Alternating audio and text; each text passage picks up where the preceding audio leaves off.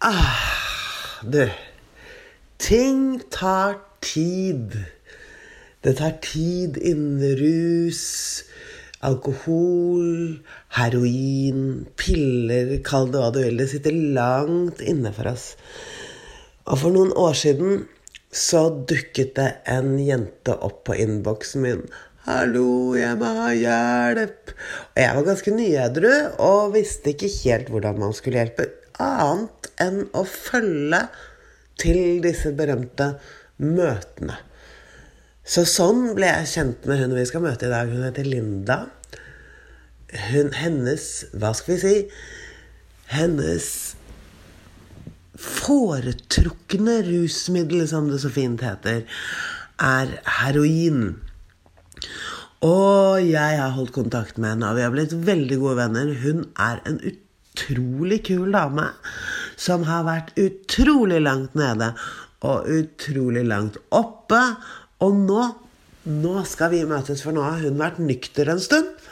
Hun har gått på et eller annet prosjekt som Altså, det er så langt navn på det hun tar som gjør at det hjelper henne. At, vet du hva, jeg, jeg, jeg husker ikke hva det heter engang, selv om jeg har hørt det 100 ganger nå. Så, men det får jo vi vite ganske snart. Nå skal jeg sette meg i bilen. Jeg sitter hjemme på Nesodden og skal forberede meg på å møte Linda. Fordi jeg gleder meg sånn til at du også skal få lov å bli, kjent med henne. Men vet du hva? Vi skal lære noe av Linda i dag. For når jeg tenker på narkoman, så tenker jeg på det ordet.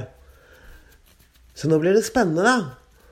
Å vise henne til deg, eller la deg bli kjent med henne, så kan du bedømme, da. Om rus er rus. Om man må komme fra en container for å være rusavhengig. Eller kanskje, kanskje Kanskje Linda også bare er vanlig? Hm? La oss finne ut av det sammen, da.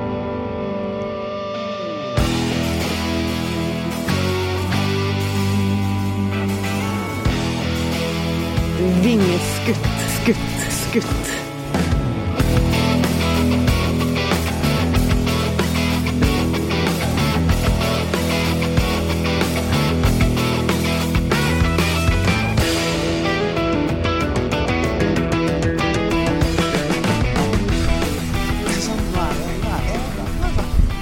Ja, nå er vi i gang. Jeg har vært i gang for lenge siden. Ja, du, du har vært i gang i mange år. Ja. Men eh, du, frøken Vinge. Hva er dette Vingeskutt-podkast-opplegget? Mener du navnet, eller på hele podkasten? Ja, altså hele skitten. Hele skitten? Hele skitten, det er jo Altså, Det begynte med at hun som produserer det vi holder på med nå, Mhm. ja, hun er flink til sånt. Hun driver med noe som heter Pia og psyken. Ja. Og hun fant ut at vi skulle da Hun ringte meg en dag og sa "De- disse foredragene dine, de må vi ta opp live. Ja. Ikke sant? Med publikum og sånn. Det kan vi, det kan vi gjøre. Vi kan lage podkast av det. ja, kult. Ja. God idé, da. Ja. Og så er jo hun, hun er bipolar, ikke sant? Hun var Aha. skikkelig, hun er oppe om vinteren, da. Ja. Ja. Ja. Og så Og dette var om vinteren. Godt utgangspunkt. Ja, ja, ja. Og så Og så Ja, så vi møttes og vi holdt på med det. Og så dro jeg av gårde til Karibia og kom tilbake. Og da var det vår. Og Da da, vår. ja, da er ikke Pia Pedersen oppe lenger. Nei. Da er hun nede. Oh, oh. Eller var, i hvert fall. Vi vet jo ikke i år om det er sånn i år. Nei. Men så da møtte jeg henne på Internasjonalen, og så sa hun Satt hun der helt alene. Du, vil du egentlig gjøre denne podkasten, eller? Eh, ja! ja! Altså, det gidder ikke jeg ut. Jeg er så lei av å jobbe gratis. Så hvis du skal gjøre dette her, Ja. så må du søke penger. Ja. Ja. ja. Ja, så da sa jeg ja, ja, ja, ok, hvordan gjør man det? Hva? Hvor gjør vi det? Ja. Så skaffet hun meg en saksbehandler i psykisk helse som var interessert, og så søkte vi Ekstrastiftelsen. Og så fikk vi pengene til dette her. Takk, Ekstrastiftelsen! Sånn, da får vi sagt det. Det er jo Det er fabulous. Ja, og det er Ja. egentlig bare ti episoder med, med foredrag. Ok. Ja, og, så, og så tenkte jeg ja, men ti episoder, hva er det for noe på internett nå om dagen? Det forsvinner jo på ett sekund. Ja, det kommer an på hvor mye folk digger det, da. Jo, jo, men altså Og så er det over, da. Så derfor tenkte jeg ok, foredrag er greit.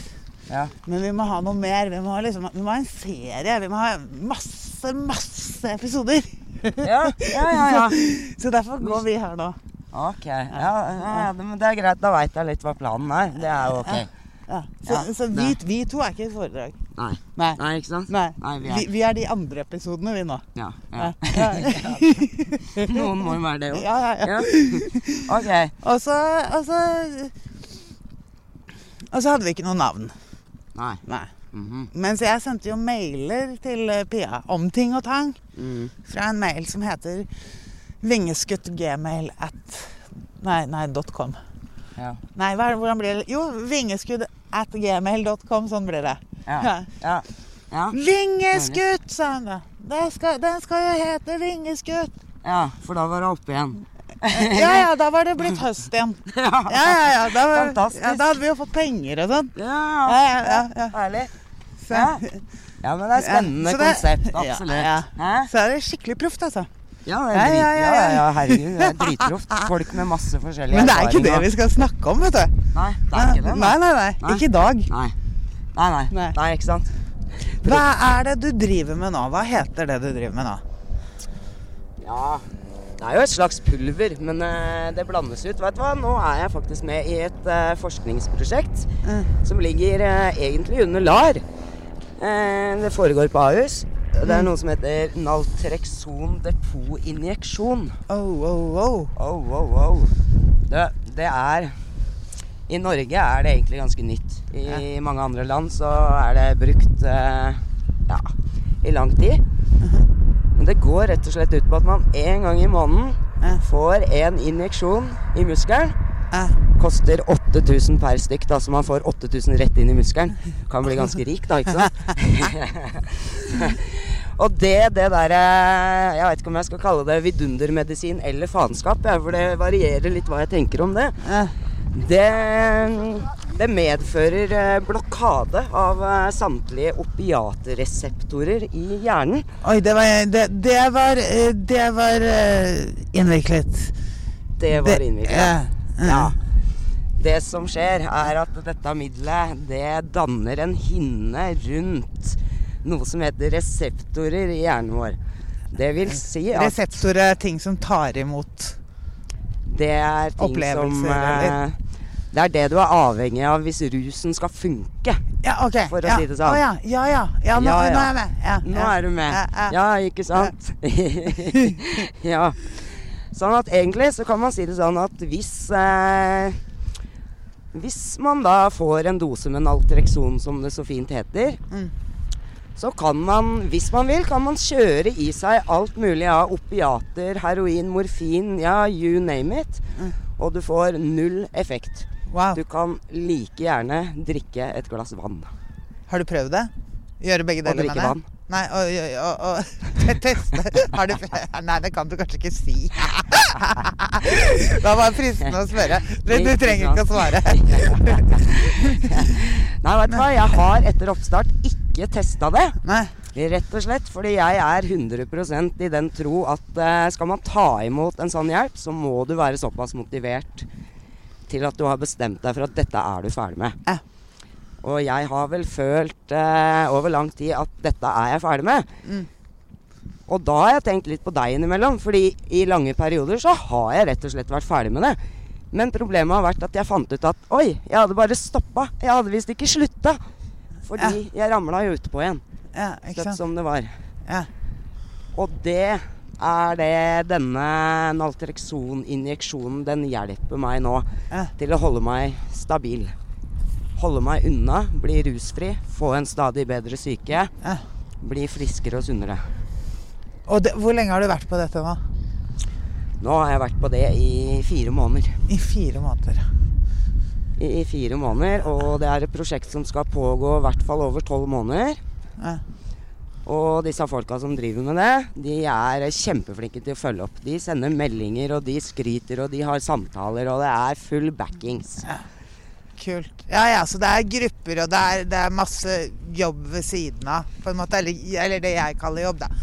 Eller, Det er eh, Ja, det er veldig mye føss med forskning, for å si det sånn. Det er kartleggingsskjemaer og Vær litt ærlig her og vær litt mindre ærlig her, og krysse av der, men ikke der. Og det er jo Ja. Ja.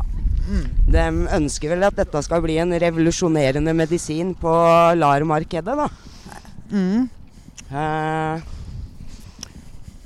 og jeg har jo litt troa på det, fordi eh, det er mange som bruker eh, Eller som er i substitusjonsbehandling da, med metadon og Subuxone og Subutex og de tinga der. Mm. Og de blir man jo hekta på.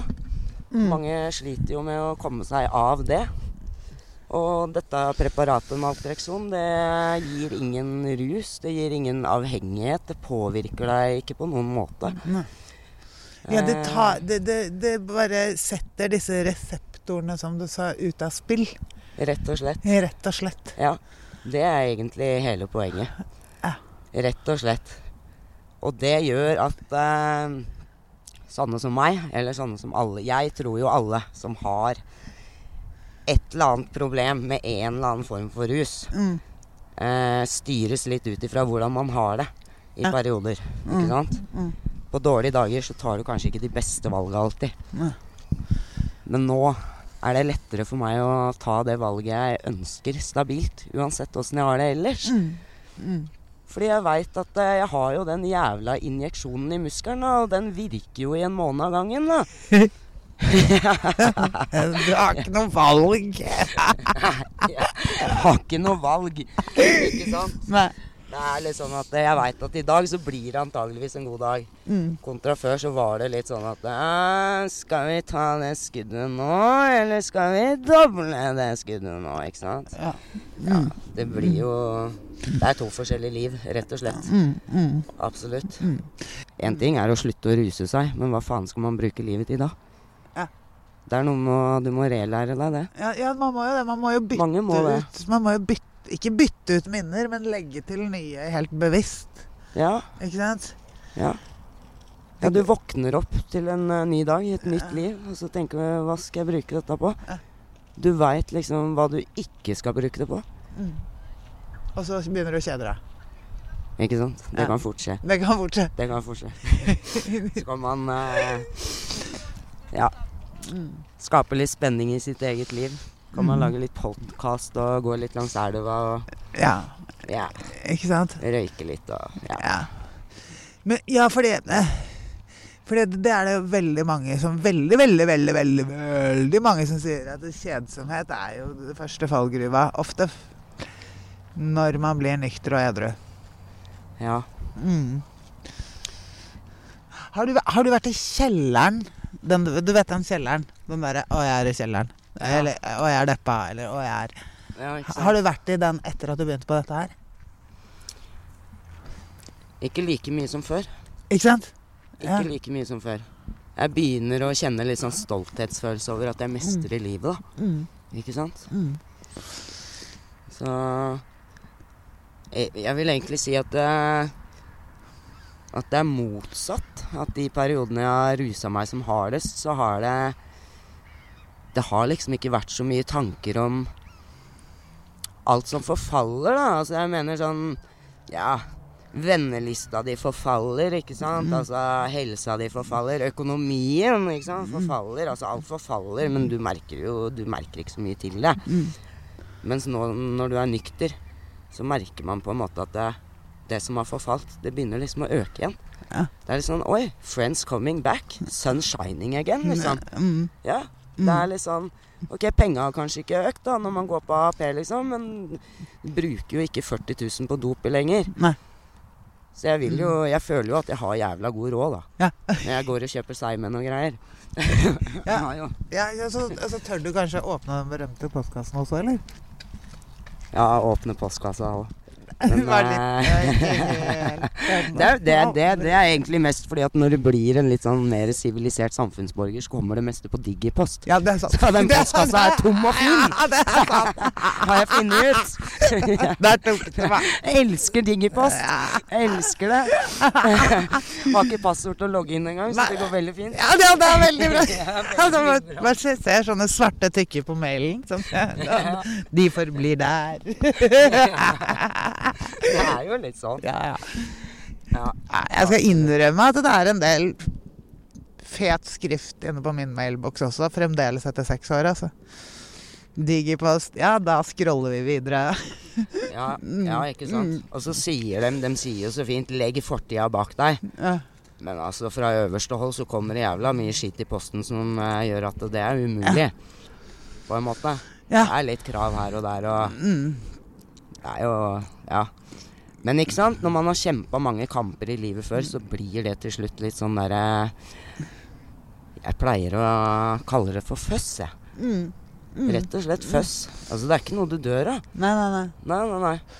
Og every day where no one dies, that's a good day. Det er litt sånn. Ja. Ja, ja, Det er veldig sånn. Det er egentlig veldig sånn. Ja, jeg tenker sånn Ja. Nå når man er nykter og rusfri og begynner å få litt ålreit nettverk og sånn, så er det jo stadig vekk man våkner og liksom tenker at herregud, er det ingen som har dødd i dag heller? Mm. Ja.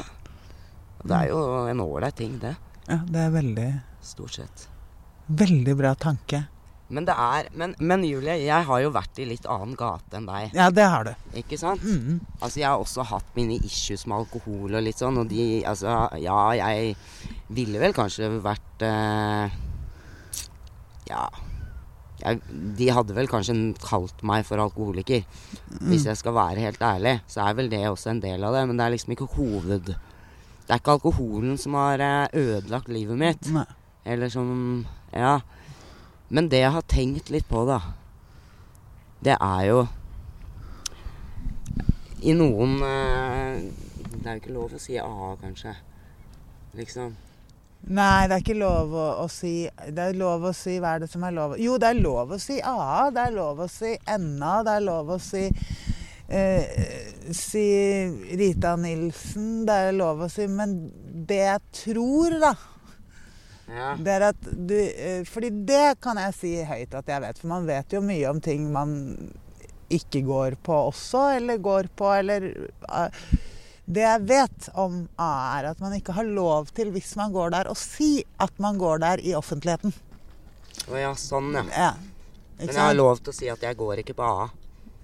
Eh, det, vet, det vet jeg faktisk ikke. Du har i hvert fall ikke lov til å si at du går der. Nei, ikke sant. Fordi Men da du... sier vi ikke noe om det. Nei. Men, men, det går, men man har allikevel lov å si tolv trinn når man har men, men OK, men hva var det du skulle si? Ja? Nei, fordi jeg, For meg så handler det med rus handler mye om identitet, på en måte. Ja. Og eh, jeg starta jo livet med å egentlig være født alkoholiker. Altså jeg var drita full når jeg ble født. Det var jo fordi at uh, mora mi var så gavmild i svangerskapet. Delte jo alt mulig, alle mulige rusmidler med meg. ikke sant? Jeg hadde det sikkert jævlig fett inni der, jeg. Ja, ja, ja. Rock'n'roll, ikke sant. Og så ble man da født i abstinenser. Mm. Ja, for jeg fikk jo ikke noe mer eh, det, altså, det var jo ikke noe vodka på det dryppet jeg fikk på barsel, for å si det sånn. Nei. Og da, når jeg blei noen år eldre, da, så tenkte jeg liksom ja, ja, mutter'n er rusmisbruker, og jeg ble født rusavhengig, og litt sånn der og sånn der. Og så leste jeg liksom et sitat om at eh, en gang alkoholiker, alltid alkoholiker. Så tenkte jeg sånn Er det noen sånn spedbarnsgruppe? Ja, liksom. Hvor gammel var du når, når det, sånn cirka når, når, når, når du holdt på med disse tankene her? Nei, Det tror jeg begynte allerede når jeg var fem, seks, sju år. Ja, Rett og slett. Oh, ja, fy faderen. Ja. Og da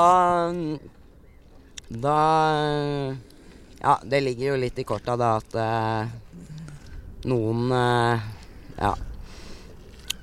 Noen har så heavy problemer med seg sjøl, altså både personlig og rusmessig, og at eh, forholdene ligger ikke helt til rette for å beholde omsorgen for barna sine. Nei. Som moren din. Som eksempel moren min, Ja. ja. Mm. Ikke sant? Eh, og for å Apropos podkast, så må man jo være kanskje på nett for å høre det, liksom, og sånn. Ja. Ja, og jeg føler jo at nå, nå i disse dager så er jeg litt på nett, ikke sant. Og det tenker jeg det er bra, for det har aldri mora mi vært, ikke sant. Altså vi snakker, altså hun er ikke på nett i det hele tatt. Nei. Ikke sant? På grunn av flere ting. Eh, men da, i eh, oppveksten min, da, så var jeg jo så heldig at jeg kom eh, i fosterhjem og blei adoptert og egentlig fikk en eh, ganske glimrende oppvekst sånn sett. Mm. Men jeg lurte jo liksom litt inni meg da når jeg leste litteratur eller hørte andre snakke om dette med gener og arv og sånn, så tenkte jeg ok, er jeg litt sånn som mamma? Er det egentlig det som er utgangspunktet mitt her i livet? Mm. Og da Da føler jeg litt sånn at eh, der har samfunnet en litt sånn oppgave å gjøre. Altså, for da var det litt sånn Å, dette barnet er det noe feil med. Dette barnet har noen unormale tanker.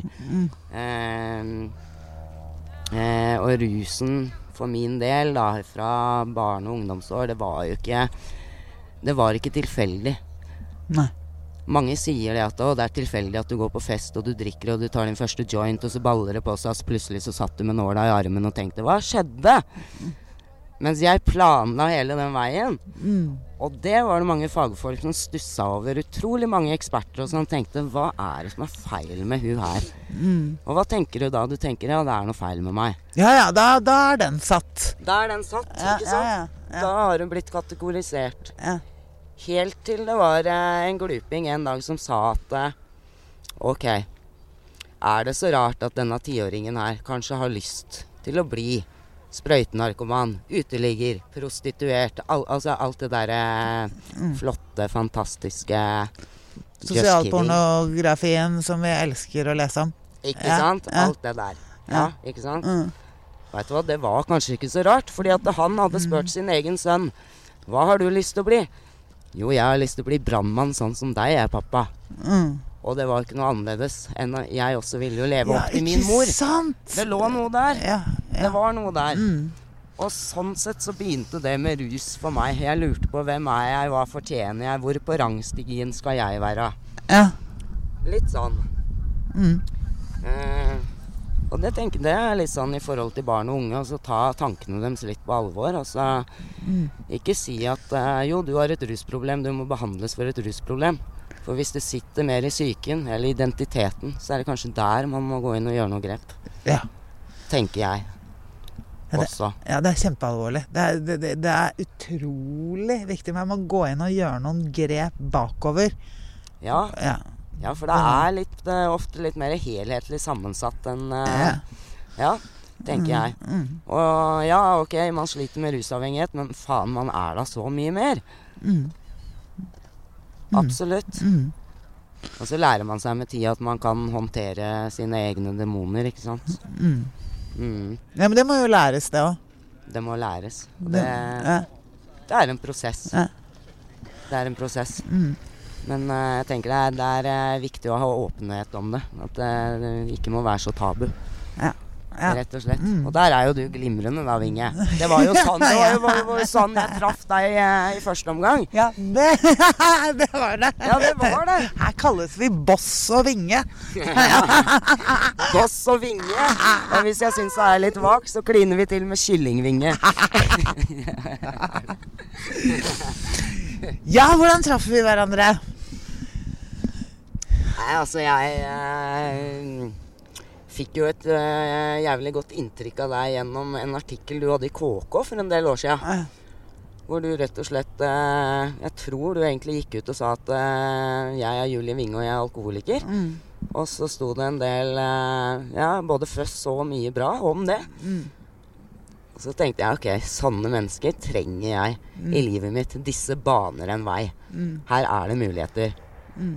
Og Julie Winge, du hadde gjort noe som min biologiske mor aldri hadde gjort. ikke sant?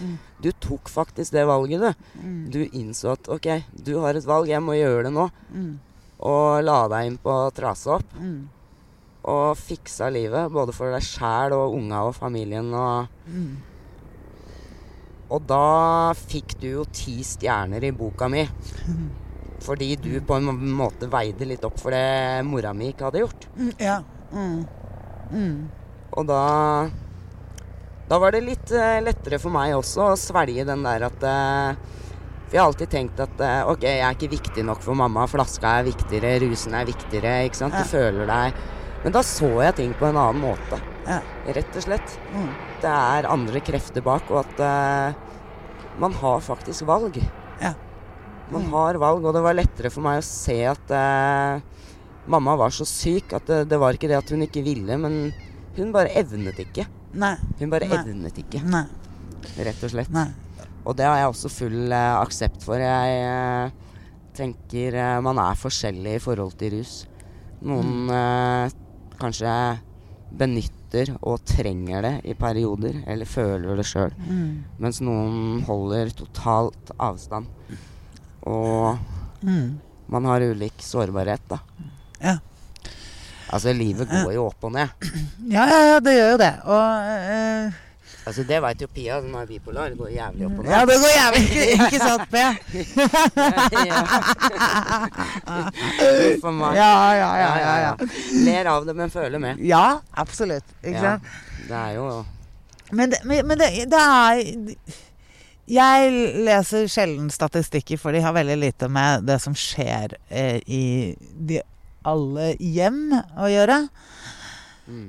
Men jeg tenker jo at det, det må, majoriteten er vel eh, fremdeles de som ikke tar det valget, da. Som, som du og jeg har tatt. Ikke sant? Som så, så det er jo også noe med at den, den rusen har en drift som er så sterk Og dette skjønner ikke folk som ikke har den driften. Nei. Ikke sant? Og de har jo ingen forutsetning for å skjønne det heller. Altså, hvor, hvor, hvordan skal de kunne skjønne Man kan ha omsorg eh, og føle forståelse for en som eh, har utfordringer. Mm. Men derifra til å vite hvordan dette føler på kroppen, hvordan denne driften her fungerer, sånn som med moren din, som ikke en, hun, hun kan vel sannsynligvis ikke engang ha kommet til å vurd, Kanskje ikke vurdere at det var et valg engang. Nei. Mm. Og de tror jeg eh, virker det sånn, da. Det er flest av. Ja. Så, så sånn sett så føler jeg at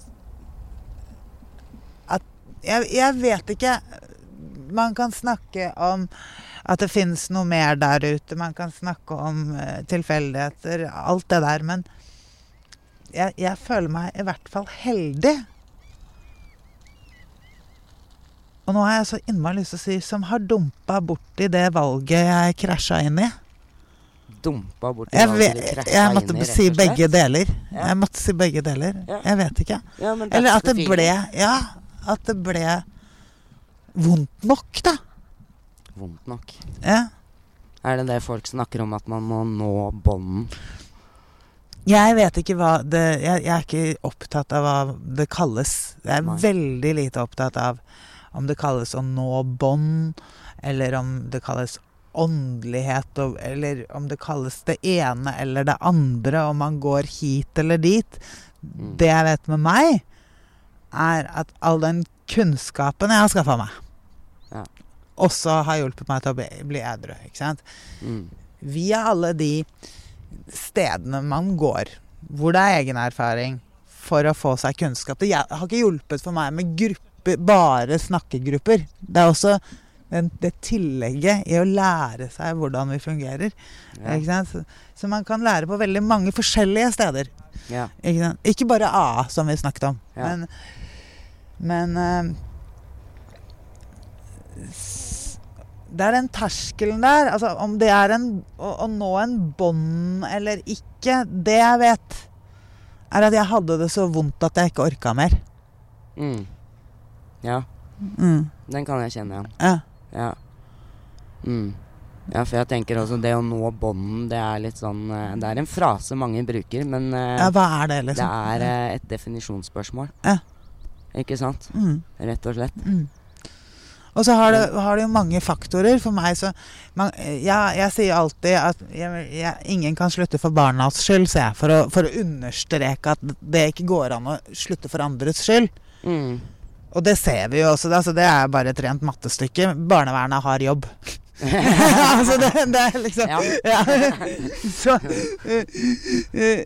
så Men samtidig så, så var det en bekymringsmelding som sparka meg inn på Trasoppklinikken.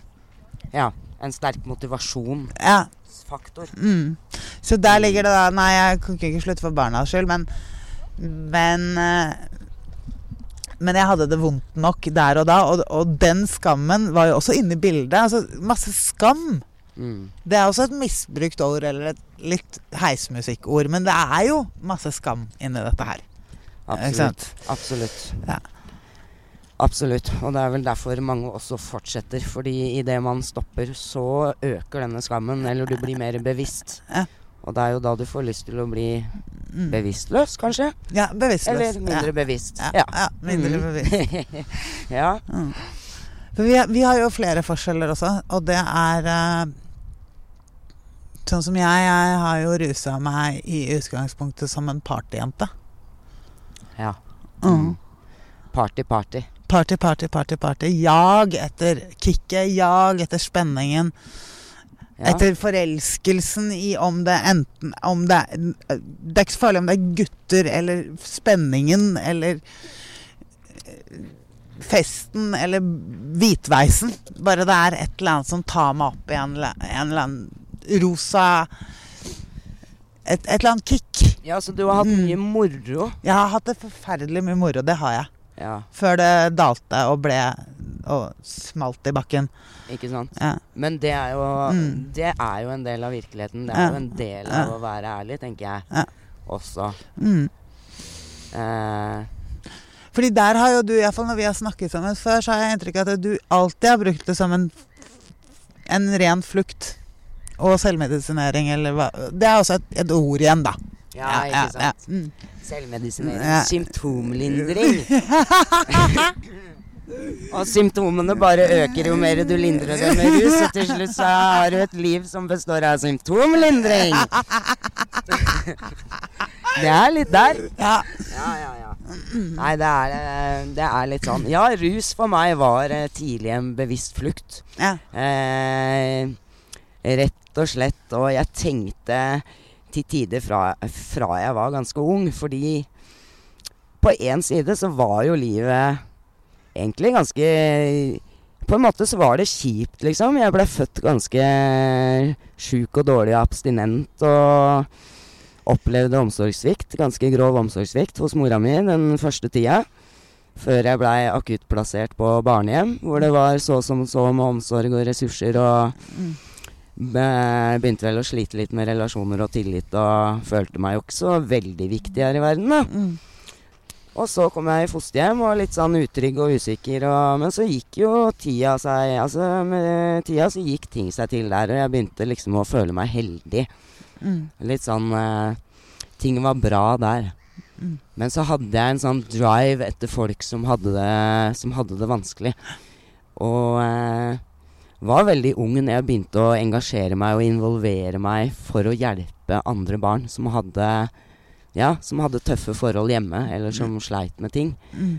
Og var vel for ung til å skjønne hva jeg blei vikla litt inn i. Mm. Og etter hvert da så blei verden veldig sånn splitta. Mm. På en side så hadde jeg det trygt og godt hjemme, og jeg spilte fotball, og jeg gikk på skolen, og ting var A4 og ganske normalt. Mm. Mens det andre livet mitt, der var det mange dårlige hjem, mye incest, mye overgrep, mye ja, the dark side. Mm. Og det blei vanskelig å integrere i et barnesinn, Mm. rett og slett. Så til slutt så blei det litt for mye at jeg tenkte at jeg må bort herfra. Mm. Og da hadde jeg jo masse erfaring med åssen folk kommer seg bort herfra. da Enten så må du liksom ta livet av deg, da. Og det, jeg syns jo jeg var litt ung til å gjøre det. da Jeg var jo bare ti år. Altså Jeg hadde hørt at folk lever jo til de er 70-80. Jeg bør jo kanskje prøve litt til. Mm. Så da blei det rus. Det blei rus. Mm. Ja. For den, du kunne veien til rus hele tida. Jeg kunne veien, jeg Ja. kunne veien dit. Men jeg ble litt, eh, litt nysgjerrig når du sier at du, du, du ble opptatt av å hjelpe andre og the dark side og sånn. Hvordan fant du veien dit, da? Altså, jeg kjenner ingen Eller kjente ingen da jeg var ti år på, det, på den siden. Var var det via eh, ungdomsklubber, eller hva? hva? Ja, det var Nabolag. jo venner på skolen som Mm. hadde problemer. Mm. Eh, ja Altså Noen klassiske eksempler var litt sånn at vi kunne være en gjeng som var ute og gikk en tur i byen, Mm. og så satt det noen uteliggere der, f.eks. Mm. Så var jo jeg den første som gikk bort til dem og snakka med dem og var interessert i hvordan var det å være dem. Kunne jeg ha noe til felles med dem? Ja. Mens resten av gjengen, de gikk jo en omvei for å slippe. Ja. Det tenker jeg det har vært en forskjell. Jeg har alltid hatt solidaritet med folk som har det vanskelig. Ja. Ja. Eh, og den kunne nok dra meg litt langt, Mm. for å si det sånn. Og trekke til òg, kanskje. Trekke til, Ja. rett og slett. ja. Ja. Mm. Altså at folk, folk kanskje som hadde den typen problemer, ble tiltrukket av deg også. Ja. Jeg vet iallfall at folk finner meg. Eller fant. Ja. fant. ja, det syns jo på nettet òg, det. Ja, ja, men jeg mener da jeg drakk. Ja. Altså, det var ikke bare jeg som fant andre alkoholikere, de fant jo uh, meg òg. Ja. Ja. ikke sant. Og det er, en, det er en sånn rar greie. Mm. Det er rett og slett det. Mm. Uh, ja, man treffer litt sånn likesinna og linker og Mm. litt sånn. Mm. Og det er jo Det er jo en utfordring med å bli rusfri og skulle sysselsette seg i et såkalt mer eh, normalt liv, da. Mm. At når man har en bakgrunn, man har en fortid, folk veit litt om det, men de skjønner det ikke, ikke sant. De Mm. sier jo at de skjønner, Mm. men man skjønner jo at de skjønner ikke. De har jo ikke vært der. Nei, ikke Åssen sant? skal man bli en del av det, Mm. ikke sant? Ved å være seg sjøl, da. Mm. Og man må kunne bruke erfaringene sine på godt og vondt, tenker jeg. Mm. Det er viktig. Mm. Jeg tror også det er viktig for folk som sliter, å høre at andre har slitt, men det går an å få det bedre. Ja. Istedenfor at det står folk som aldri har hatt den type problemer, og skal forklare hvordan dems problemer Mm. Nei. er, og hvordan det skal løses. Ja. Ikke sant? Mm. Du veit. Jeg vet veldig godt. Ja. Det er jo Ja. Mm. Mange av de menneskene er jo det, det, jeg, jeg, jeg har jo gjort veldig mange foredrag for barnevernet og Nav og kommuneansatte og sånn, og det jeg opplever, er jo at det er så utrolig mange flere fine mennesker der enn hva vi skulle tro når vi ser det skiltet, f.eks. Nav. Ja. Eller, eller ordet barnevernet. Det sitter pedagoger og sosionomer som har brent for eh, utdannelsen sin og vil hjelpe folk. Mange av dem er pårørende. Mm. Noen av dem er også drita fulle. Det, det har de på innboksen min på Facebook også. Og det, men det, altså, det viser bare hvor vanlig det er. Ja. Ja. Mangfoldet. Mangfoldet. ikke Ja. sant? Men, men eh, de er jo De spør jo ofte hvordan skal vi hjelpe, og noen ganger så gjør de rollespill med meg. Ja, hvis, ja la oss si mens jeg holder foredrag ja, Ok, hva mener du med 'hvordan skal du hjelpe'? Jo, hvis du f.eks. kommer inn til meg nå, og så sier jeg til deg eh, Så sier jeg til deg Hei, jeg har fått en bekymringsmelding fordi din datter Og da avbryter jeg. Du mista meg der. Ja. Ja. Hvorfor det? Fordi jeg kommer inn på et kontor hvor jeg får en trussel med en gang. Ja. Ja. Jeg kommer ikke inn på et kontor og møter et menneske. Nei. Nei. Hva om hun hadde sagt Åh, det var bra du kom nå, for jeg holdt på å gå hjem. Jeg er så sliten i dag, skjønner du. Ja. Mm. Ja, jeg Altså, ser. Jeg, datteren min ringte, og så skal hun på trening, og så Så det var så deilig at du kom i dag. Ja. ja. Ja, det er noe med måten du blir møtt på. Ja, det, sant? det er noe med Det går an å Det går an å by på seg selv uten å være privat. Absolutt. Ja, absolutt. Så vidt jeg vet, så har ikke vi i løpet av denne, dette opptaket her så har vi ikke, Jeg kan ikke noe om sexlivet ditt, f.eks. nå, jeg. Altså, du har jo vært ganske personlig. Ja, ja. Ja? Altså, vi, vi, vi kan by på oss selv uten å Og det, det burde gå inn i læreboka til de som sitter og gjør de jobbene der, da. Det er veldig mye skryt av mellommenneskelighet nå for tiden. Og toleranse. Og Men jeg vet ikke hvor mye det blir utført, fordi det, det er mye som blir utført etter boka. Og kanskje det skal være etter boka, men, men, men at man, må kunne uttrykke seg mennesker imellom. Jeg, tenk om jeg hadde kommet inn til en barnevernspedagog og virkelig fått inntrykk av at hun ville hjelpe meg. Ja. Det første hun, hun vil si, er jo 'jeg er her for barnas skyld'. Bare så vi har det klart. Ja, ja Og så sant? står jeg der på terskelen og skjelver i abstinenser og skammer meg fordi jeg var drita full mens barna sov i går. Altså, Ja. ja. Ja. Mm. Så glemmer man kanskje det faktum at eh, barnas beste er eh, Mm.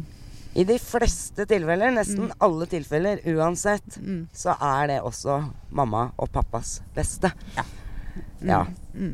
Så jeg er helt enig i at eh, barnevernstjenesten bør eh, prøve å fokusere på å gå mer inn i et samarbeid hvor man er nysgjerrig på de foresatte og nysgjerrig på barna, istedenfor å la eh, Ja, la saksbehandlingsmappa komme Ja. inn døra før deg. Og, så har, og så har de jo problemer. De har jo, de har jo en arbeidserfaring også som gjør at de vet at de blir mye løyet til. De, fordi at de fleste av oss eh, skjuler jo rusen vår fordi vi har tenkt å fortsette med den. Ja. Eh, så det så når, når jeg tenker Første gang jeg kom inn til en ruskonsulent, så var det pga. en bekymringsmelding. Og da, da sa eh, ruskonsulenten Hun var veldig koselig. Mm. Hun var litt mild. og Hun var en sånn som kanskje kunne ha møtt meg som menneske. Men, men det hun spurte, det, en av de første tingene hun spurte om, var Ja, Julie, drikker du for tiden? Og da, da sa jeg eh, Det vi sier her inne, rapporteres det til barnevernet? Og hun svarte ja, Ja. dessverre. Det er sånn systemet er. Ikke sant? Hva tror du jeg svarte da? Om jeg, på om jeg drikker for tiden? Nei, svarte jeg da. Og så kunne jeg noen gode fraser, fordi jeg hadde vært edru et par ganger før og lært litt om det. Så jeg, jeg, klarte å spille troverdig edru. Mm. Satt der i en halvtime eller noe sånt, og så sa hun ja, hvis du vil ha mer hjelp, så er det bare å komme tilbake. Takk, sa jeg. Dro på polet og dro hjem og drakk i to år til. ja. Altså, så det er noe Det er noe der. Ja, vi, vi, vi vil gjerne, jeg vil gjerne hjelpe deg, men jeg må rapportere alt du sier til barnevernet. Takk. Der stopper det.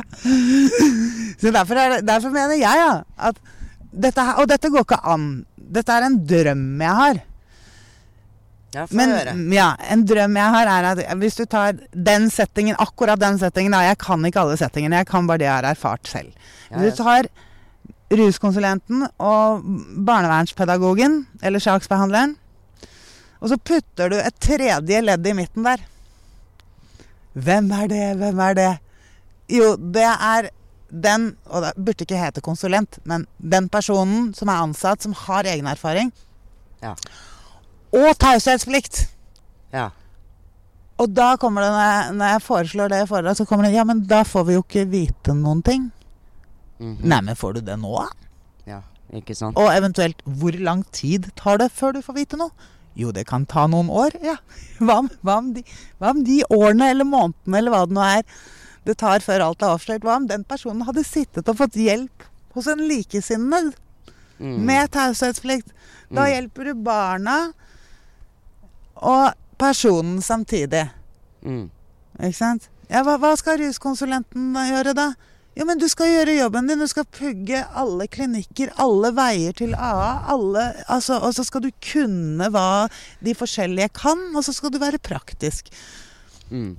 Ja. Så kan jeg komme fra det hemmelige rommet, og hvis jeg har bestemt meg for å legge meg, så kan du gi meg all informasjon jeg trenger om det. Ja. Det er ja. min drøm, da. Ja, men det er jo det. Ja, ja men det er, jo, det, det er jo egentlig en fornuftig drøm. Ja. Ja, og det, det burde på et eller annet plan eh, Det burde faktisk eh, realiseres. Eller det burde Ja. Burde settes i gang. Ja. For da, da, vet du, da har man på en måte en megler mellom eh, den som er hos barnevernstjenesten, og barnevernstjenesten. Så kan den mellompersonen få begge parter til å forstå ting litt bedre. Da får man litt mer helhet, og ting kan kanskje løses litt bedre da. Altså. Kan, vi, hvis det hadde vært uh, taushetsplikt på den ruskonsulenten den gangen Ja. Så må jeg huske at jeg dro jo de frivillige det, det var barnevernet som spurte om jeg hadde lyst til å prøve, og jeg hadde så mye angst Ja. at jeg tenkte ok, jeg drar og prøver å få litt hjelp. Ja. Så da hadde vel jeg kanskje halve benet mitt over terskelen for å få hjelp, da. Kanskje det ikke hadde gått to år til hvis hun hadde hatt taushetsplikt. Mm.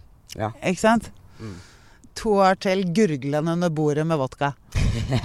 så, jeg. Men jeg, jeg kan jo ikke da hva, hva din setting ville vært. Du har ikke barn, så du hadde ikke hatt problemer med barnevernet. Men, uh, så jeg kan bare min setting der. Men iallfall den derre At det hadde vært kortere vei til egenerfaring også, da. I kombin, kombinert med fagpersoner. Mm. For vi skal ikke ta bort at fagpersoner er kjempeviktige. ja, Uh, absolutt. ja. Altså sånn som min, min barneverns eh, Min saksbehandler, som jeg heldigvis ikke har noe sak hos lenger Hun Happy ending! Jorunn Michaelsen, tusen takk. Hun hun betyr er vel noe, en av de som betyr mest for mitt edruskap. Fordi hun hadde så mye omsorg til sammen i de årene hun var ute etter meg, passet på meg, passet på barna. Hun ville mitt beste. Hun Mm. holdt nesten for å få sparken av uh, fylkesmannen fordi det, hun dro den så langt. Med tillit og sånne ting. Eh, Og hun eh, Så jo, altså Litt utafor boksen, da. Litt utafor boksen og likevel innenfor. Ja, ikke sant? Ja. Ja. Hun bøy på seg selv. Hun kom hjem og drakk kaffe sammen med meg. Hun, Bare kaffe. det Ja, ja bare kaffe. Men, men, men det var jo i arbeidstiden. Altså, Ja. Men jeg slapp å dra hjem på kontoret, altså krabbe i korridorene. Hun kom hjem der, Mm. og det var avtale. Hun kom ikke uten eh, Hun kom ikke uten varsel. Møtte deg litt på dine premisser, Ja, i ja. dine omgivelser, på en måte. Ja. Og så til slutt kom det en bekymringsmelding som, som var eh, som var eh, Som var den siste. Da kom hun og, og, og satte seg ned. Den. Julie, nå slutta du å drikke hvis ikke tar jeg barna. Du får ikke lure meg lenger. Nei. Men da hadde jeg Greit, rett på jeg- sak. Ja. Og, og, men det var da jeg hadde fått det der berømte knocket. Den bånden. Den whatever. Ja. Da satt jeg i full angst. Og kanskje jeg ikke hadde øh, sagt ja til å legge meg inn den dagen, men da hadde jeg sagt Da hadde jeg prøvd å gjøre det tre måneder etterpå. Ja. Altså, det, det var i den settingen. Det. Så hun var pushet bak. Og så tok hun videre vare på meg og satt barnevakt uh, lite grann når jeg kom ut fra trasopp og sånn. Og det er spesielt. Det er spesielt. Ja. Så det var også en, som, en ruskonsulent som sa til meg på et foredrag da jeg sa at det funker ikke sånn som det er nå. Og så sa hun ja, men Det var i Bergen, da. Ja, men hvis Hvis jeg ikke kan hjelpe, kan jeg da være den lille prikken?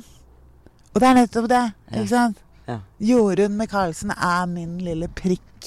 Som betyr så enormt mye for det edruskapet jeg sitter her og har nå. Ja. Den omsorgen og den tilliten. Ja. Ikke sant? Tillit fra et ord som barnevernet. Mm. Ikke sant? Så, så fagpersoner er kjempeviktig. Det er viktig, samtidig som de har veldig eh, Mm. De har veldig stor mulighet for å bruke skjønn i sitt arbeid. Og det, det, det er viktig at man gjør, Mm. på en måte. Mm. Fordi når man også kommer til lovverket, så er eh, lov er ikke lov. Lov er også eh, Det er mye skjønn Ja, ja. i forhold til lov. Ja. Her er det nødvendig å overta omsorgen for barna. Mm. Da må man også definere nødvendig. Ja. Hva er nødvendig? Mm. Mm. Og der eh, tenker jeg man må møtes litt på, møtes litt på veien innimellom. Ja. ja. Og ja, jobbe litt sånn som, ja, sånn som du Mm. sier, Mm. rett og slett. Og jeg tror jo også at eh, jeg vil jo eh, Jeg vil jo tenke at du er litt sånn eh, fra middel... eh, du er liksom fra middelklasse. Ja.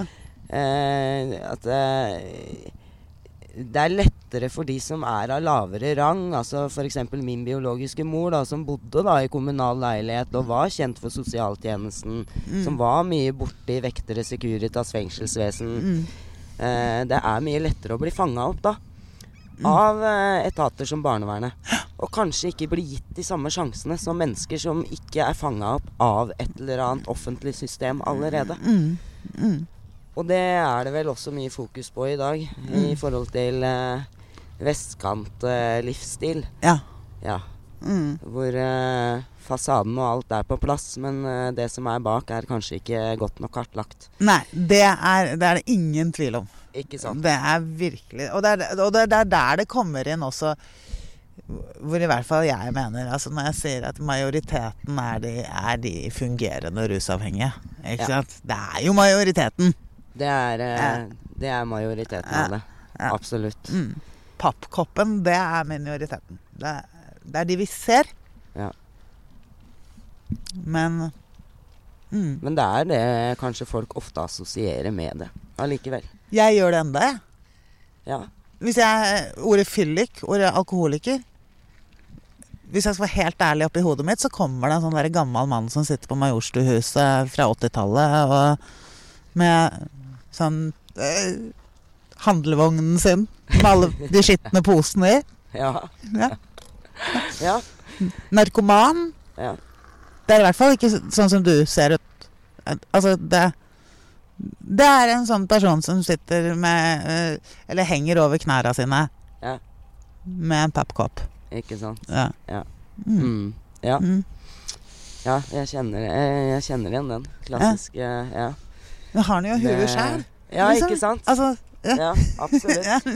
Og litt der har jeg også vært fra, fra jeg var ung, da. ja. Når jeg på en måte gikk litt inn i Altså, man kan ikke si at man veit hva f.eks. heroinavhengighet er Mm. før du har vært der. Mm.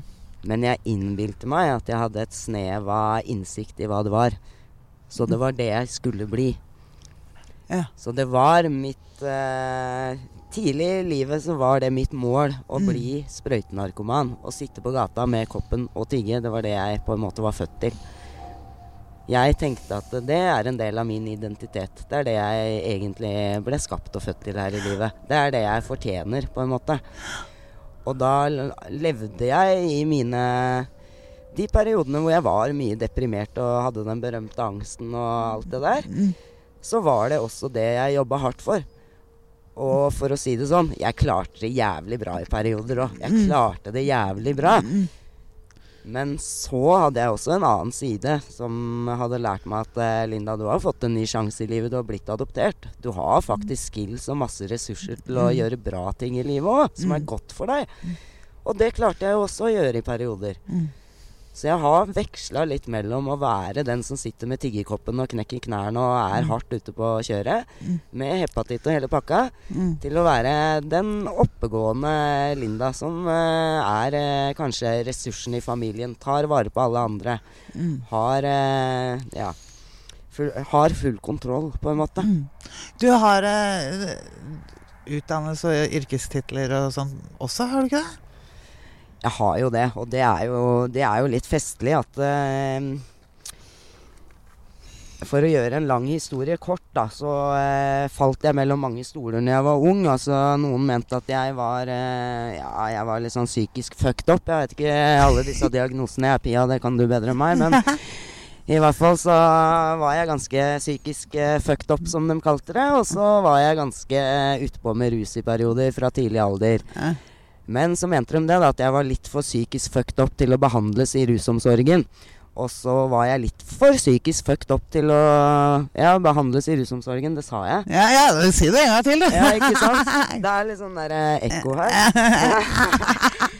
og litt for mye rusproblematikk til å behandles i psykiatrien. Så da blei det litt sånn at uh, vi sender deg på BUP, og så sender vi deg på RUPO, og så sender vi deg en tur til helsesøster, og så kan du gå til den kommunale psykologen, og så kan du også egentlig psyke litt sånn overalt, ikke sant? Ja. Uh, helt til jeg ble 18 år og kunne bestemme over mitt eget liv, og da skjønte jeg at ok, jeg må bort fra det livet her. Jeg må på et sted hvor det er uh, noe vettu å gjøre. Så da dro jeg på Sollia-kollektivet, som er et av de kollektiva som ligger veldig nært mitt hjerte. Jeg har masse kontakt med dem enda. Et fantastisk sted som fortsatt er i drift. Og på den tida så fikk man jo lang tid på seg i rehabilitering. Så fra jeg fylte 18, så var jeg i det systemet i tre-fire år. I heldøgnsbehandling med etter hvert eh, ettervern også. Mm. Så fra, fra jeg var 18 år, så var jeg rusfri, og det gikk på en måte helt knirkefritt etter hvert. Jeg blei student på lik linje som alle andre studenter. Jeg fikk meg jobb, jeg kjøpte meg leilighet. Fikk meg samboere. Eh, alt gikk egentlig knirkefritt i ja, lenge over ti år. Ti-tolv år. Slags, får jeg lov å spørre hva slags utdannelse du tok, eller? Ja, det det må jo være lov å spørre om det. Og greia var at eh, jeg tenkte at med all min erfaring med mennesker som eh, har det trøblete, så burde jeg bli sosionom. Men eh, så hadde jeg jo på en måte rusa litt bort karakterene mine sånn underveis på ungdomsskolen og videregående og litt sånn, da. Så dette snittet, da, det lå ikke helt an til sosionomstudiet. Men derimot så lå det an til å bli sykepleier. Ikke sant? Så jeg har, jeg har fullført en bachelor i sykepleier. Mm. Jeg eh, fungerte da som videreutdanna sykepleier. eh, Palliativ sykepleier heter det. Mm. Det betyr litt sånn I korte trekk, da, så eh, jobber man med akutt syke og døende pasienter. Altså mennesker som har forventet kort levetid. Ja. Høres jo jævla forferdelig ut, men det var faktisk veldig gøy. Det var, altså Jeg tror det var flere som på en måte lo seg i hjel på slutten. Ja. Ja, bokstavelig talt. Enn som bare Altså døde mens de levde. Mm. For det var litt sånn derre Hallo, jeg veit du skal dø, men lev i hvert fall til du skal dø. Det var litt uh, greia. Men så kan det også være litt sånn trist at de menneskene du blir kjent med i jobben din, da, og kommer tett innpå og sånn, de dør jo, da. Mm. Altså, de forsvinner jo. Og til slutt så blei dette Det blei litt tungt. Jeg husker at eh, etter en del år så satt jeg fastvakt ved sengene til dem Mm. mens de da egentlig skulle dø. Og så begynte jeg liksom sakte, men sikkert å misunne dem. Situasjonen og tilstanden deres. Og da tenkte jeg kanskje det er på tide å ta en break, ikke sant? Og da begynte psyken min rett og slett å bli dårlig igjen. Eh, jeg tror det var litt eh, kombinert med en del rettssaker som kom opp i media, som handla om eh, overgrep og incest og litt sånne ting, som jeg var nært knytta til i oppveksten. Mm. Som ga meg litt Ja, dette har jo du kjennskap til, Pia, men det heter PTSD. Det er sånne fire bokstaver de setter på papiret hvis du har litt slit innimellom. Mm. Ja. Så eh, fra å være workaholic som sykepleier, så gikk jeg til å bli en sykepleier som ble sykemeldt. Og så til slutt så var det noe med at det gamle handlingsmønster kom tilbake, selv etter 15 år. Mm. Så da Så du var nykter i 15 år. 15 år. Ja. 15 nyktre, stabile, relativt gode år, vil jeg si. Mm. Og så lett er det faktisk at etter 15 år så setter du ett skudd, og så har du skutt deg helt tilbake til start. Ja. Rett og slett. Mm. Så ja, jeg var en gang sykepleier, og jeg føler egentlig enda at jeg har en identitet som sykepleier, men jeg har ikke lenger lov ifølge Helsetilsynet og alle de der instansene som driver og fratar folk lisenser og dritt og møkk, da. Så har jeg ikke lov til å kalle meg for sykepleier lenger, Nei. rett og slett. Mm. Så nå er det Nå er det omskolering. Nå er det en uh, ny vei videre. Så um, Men uh, Men jeg føler jo da at uh, når man har litt erfaring med f.eks. å være tidligere barnevernsbarn, Mm. eller litt erfaring fra det systemet, så tenker jeg at uh, det også kan komme godt, eh, godt med i en bransje som barnevernstjenesten, eller det med å jobbe med utsatt Mm. ungdom i forhold til rus. Mm. Eh, ja, så får vi se, da. Ja. Og det er liksom helt egentlig greit for meg den dag i dag at jeg mista den lisensen, men det jeg syns jeg kunne mista samtidig, det var det jævla studielånet jeg har fra den tida. Ja, ja, Men det skal du ja, ha! Det skal de ha! Det får de nå fra Nav. ja, ja jo. Ja, men da har jeg iallfall dem. Så, sånn er det. Ja, Ja, men du ja, men det, en ting, Nå jeg på Nå, nå hekta jeg meg på den drømmen min igjen. Ja. Om etter så og så lang tid nykter, for det, det burde jo være et krav. Det skjønner jeg òg. Ja. Da syns jeg du skal få deg jobb i barnevernet, altså. Ja, og det, det er jeg frista til òg. Ja. For jeg tenker der trenger man erfaringskonsulenter. Yes. Ja. Og det fins noe som heter Barnevernsproffene. ja. Og de, de har jeg veldig sansen for. De Ja. har jeg sansen for. De tror jeg kan utgjøre veldig mye bra. Mm. Ja, Man skal ikke undervurdere egen erfaring. Nei. Overhodet ikke. Jeg tenker at at det er, vi burde, vi rusavhengige, burde bli stilt et krav til en eller annen tid nykter og edru. Ja. For det skulle bare mangle. Altså, ja, det er ikke noe Altså Det er det samme som uh, J. Min mann J. Han Just married to the J. Han fikk jo skrumplever, Ja. ikke sant? Ja. Og da måtte jo han være påvise ett års edruskap for å få ny lever. Ja, Og- det, ja. Ja. Og de ressursene som, som skal til for å spandere en ny lever på noen Da Ja. synes jeg også altså Hvis du er alkoholiker, så skulle det bare mangle at du påviser ett års edruskap Ja. for det. Akkurat Ja, jeg godtar også at hvis jeg skal bli eh, Skal få en jobb i barnevernet eller som ruskonsulent, så, så skjønner jeg dere hvis dere krever i hvert fall to og et halvt års edruskap av meg. Det skal jeg godta. Men at dere må ansette noen av oss snart, det er helt sikkert. ja. Det er jeg enig i. Ja, ja de gjør jo det. Unnskyld, vi må korrigere. Ja. Det, der fins egen erfaring. Dere må ansette oss og gi oss taushetsplikt, så vi kan hjelpe. Ja. ja. Ja, ikke sant. Fordi at eh, selv om man ikke er topp utdanna, så skal jeg love at man underveis i den karrieren vår har vært borti begrepet taushetsplikt. Og vi har både skjønt innholdet, og vi har følt innholdet. Ja. Hallo, vi veit innholdet. ja. Ja. Faderen heller, du, skal vi kalle denne her episoden en svær jobbsøknad? ja. ja. ja. Du har noe ja, Det er så deilig med å være rusfri òg, at det liksom, man får noen tanker som man kan prate om. Egentlig. Mm. Og så får man etter hvert Og man får etter hvert Det tar litt tid, da. Men jeg har drevet og, og, snakket med en del uh, edru personer for å finne andre ord enn de som vi er vant til å bruke. Sånn Jeg hadde angst. Målet mitt er å være Jeg er takknemlig, jeg er ydmyk. Hva er, hva er ting? Og så var det Hva vil du ha? Ja. Så var det en som sa frihet. Jeg vil ha frihet. Og det er også et stort ord. Ja. Nå går sola ned, Linde. Nå er solnedgang. Det betyr bare at sola kommer på nytt en annen dag. Heldigvis. Det vet jeg jo nå. Ja. Ja. Jeg tenkte ikke så mye over det før, liksom. Nei. Ikke sett sola på noen år.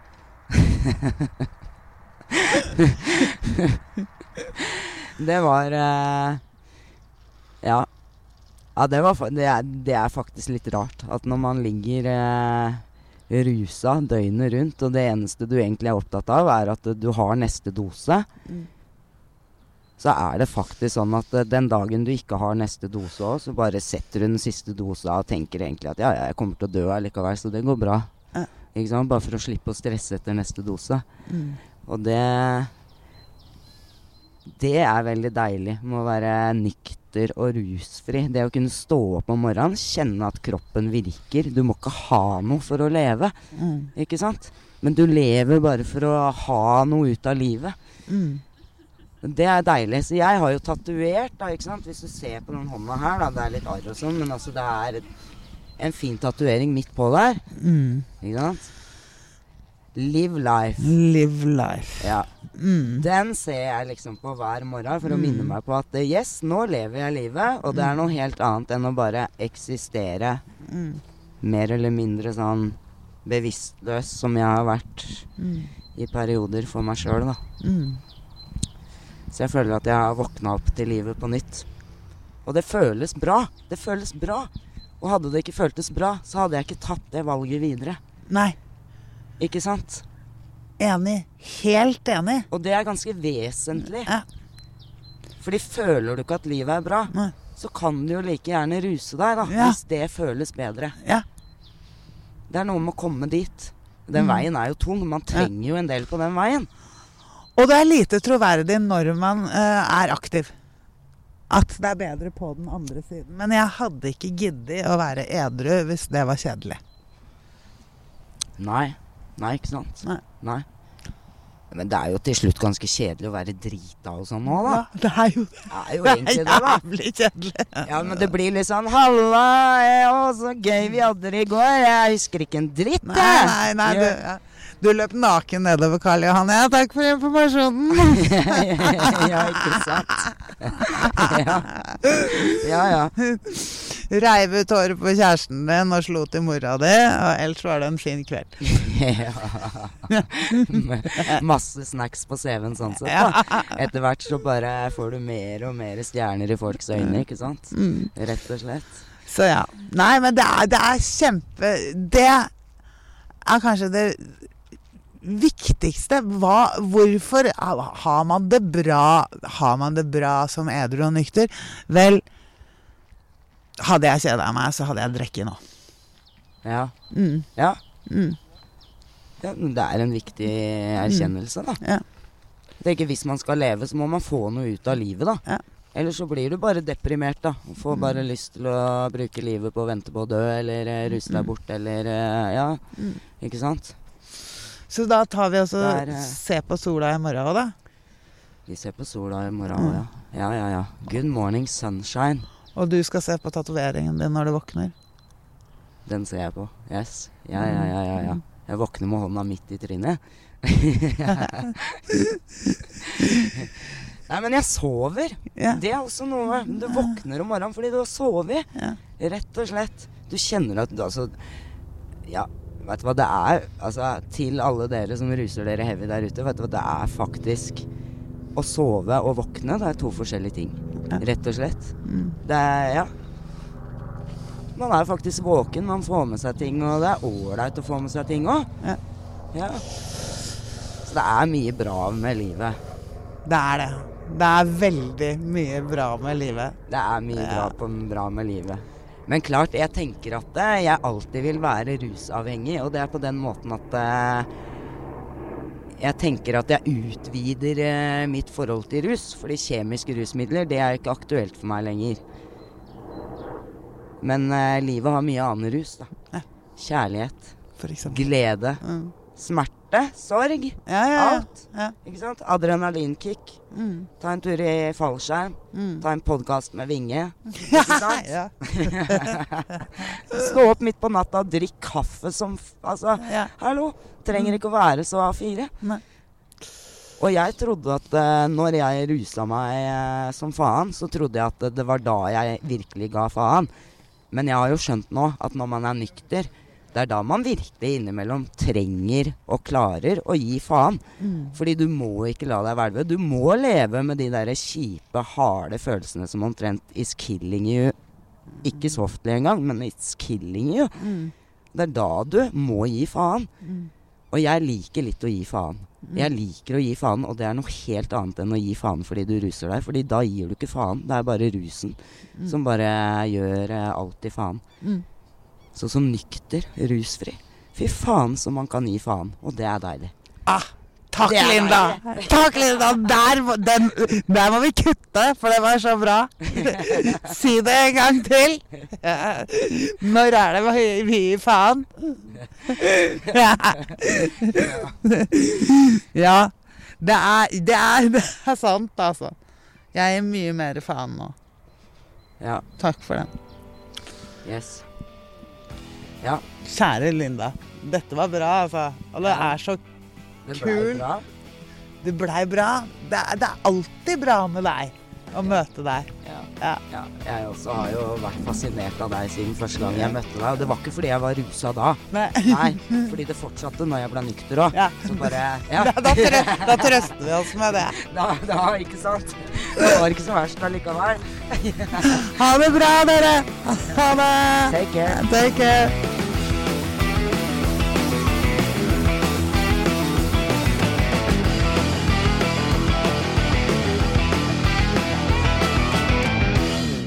Denne Podkasten er produsert av Tid og Lyst. med støtte fra Ekstrastiftelsen.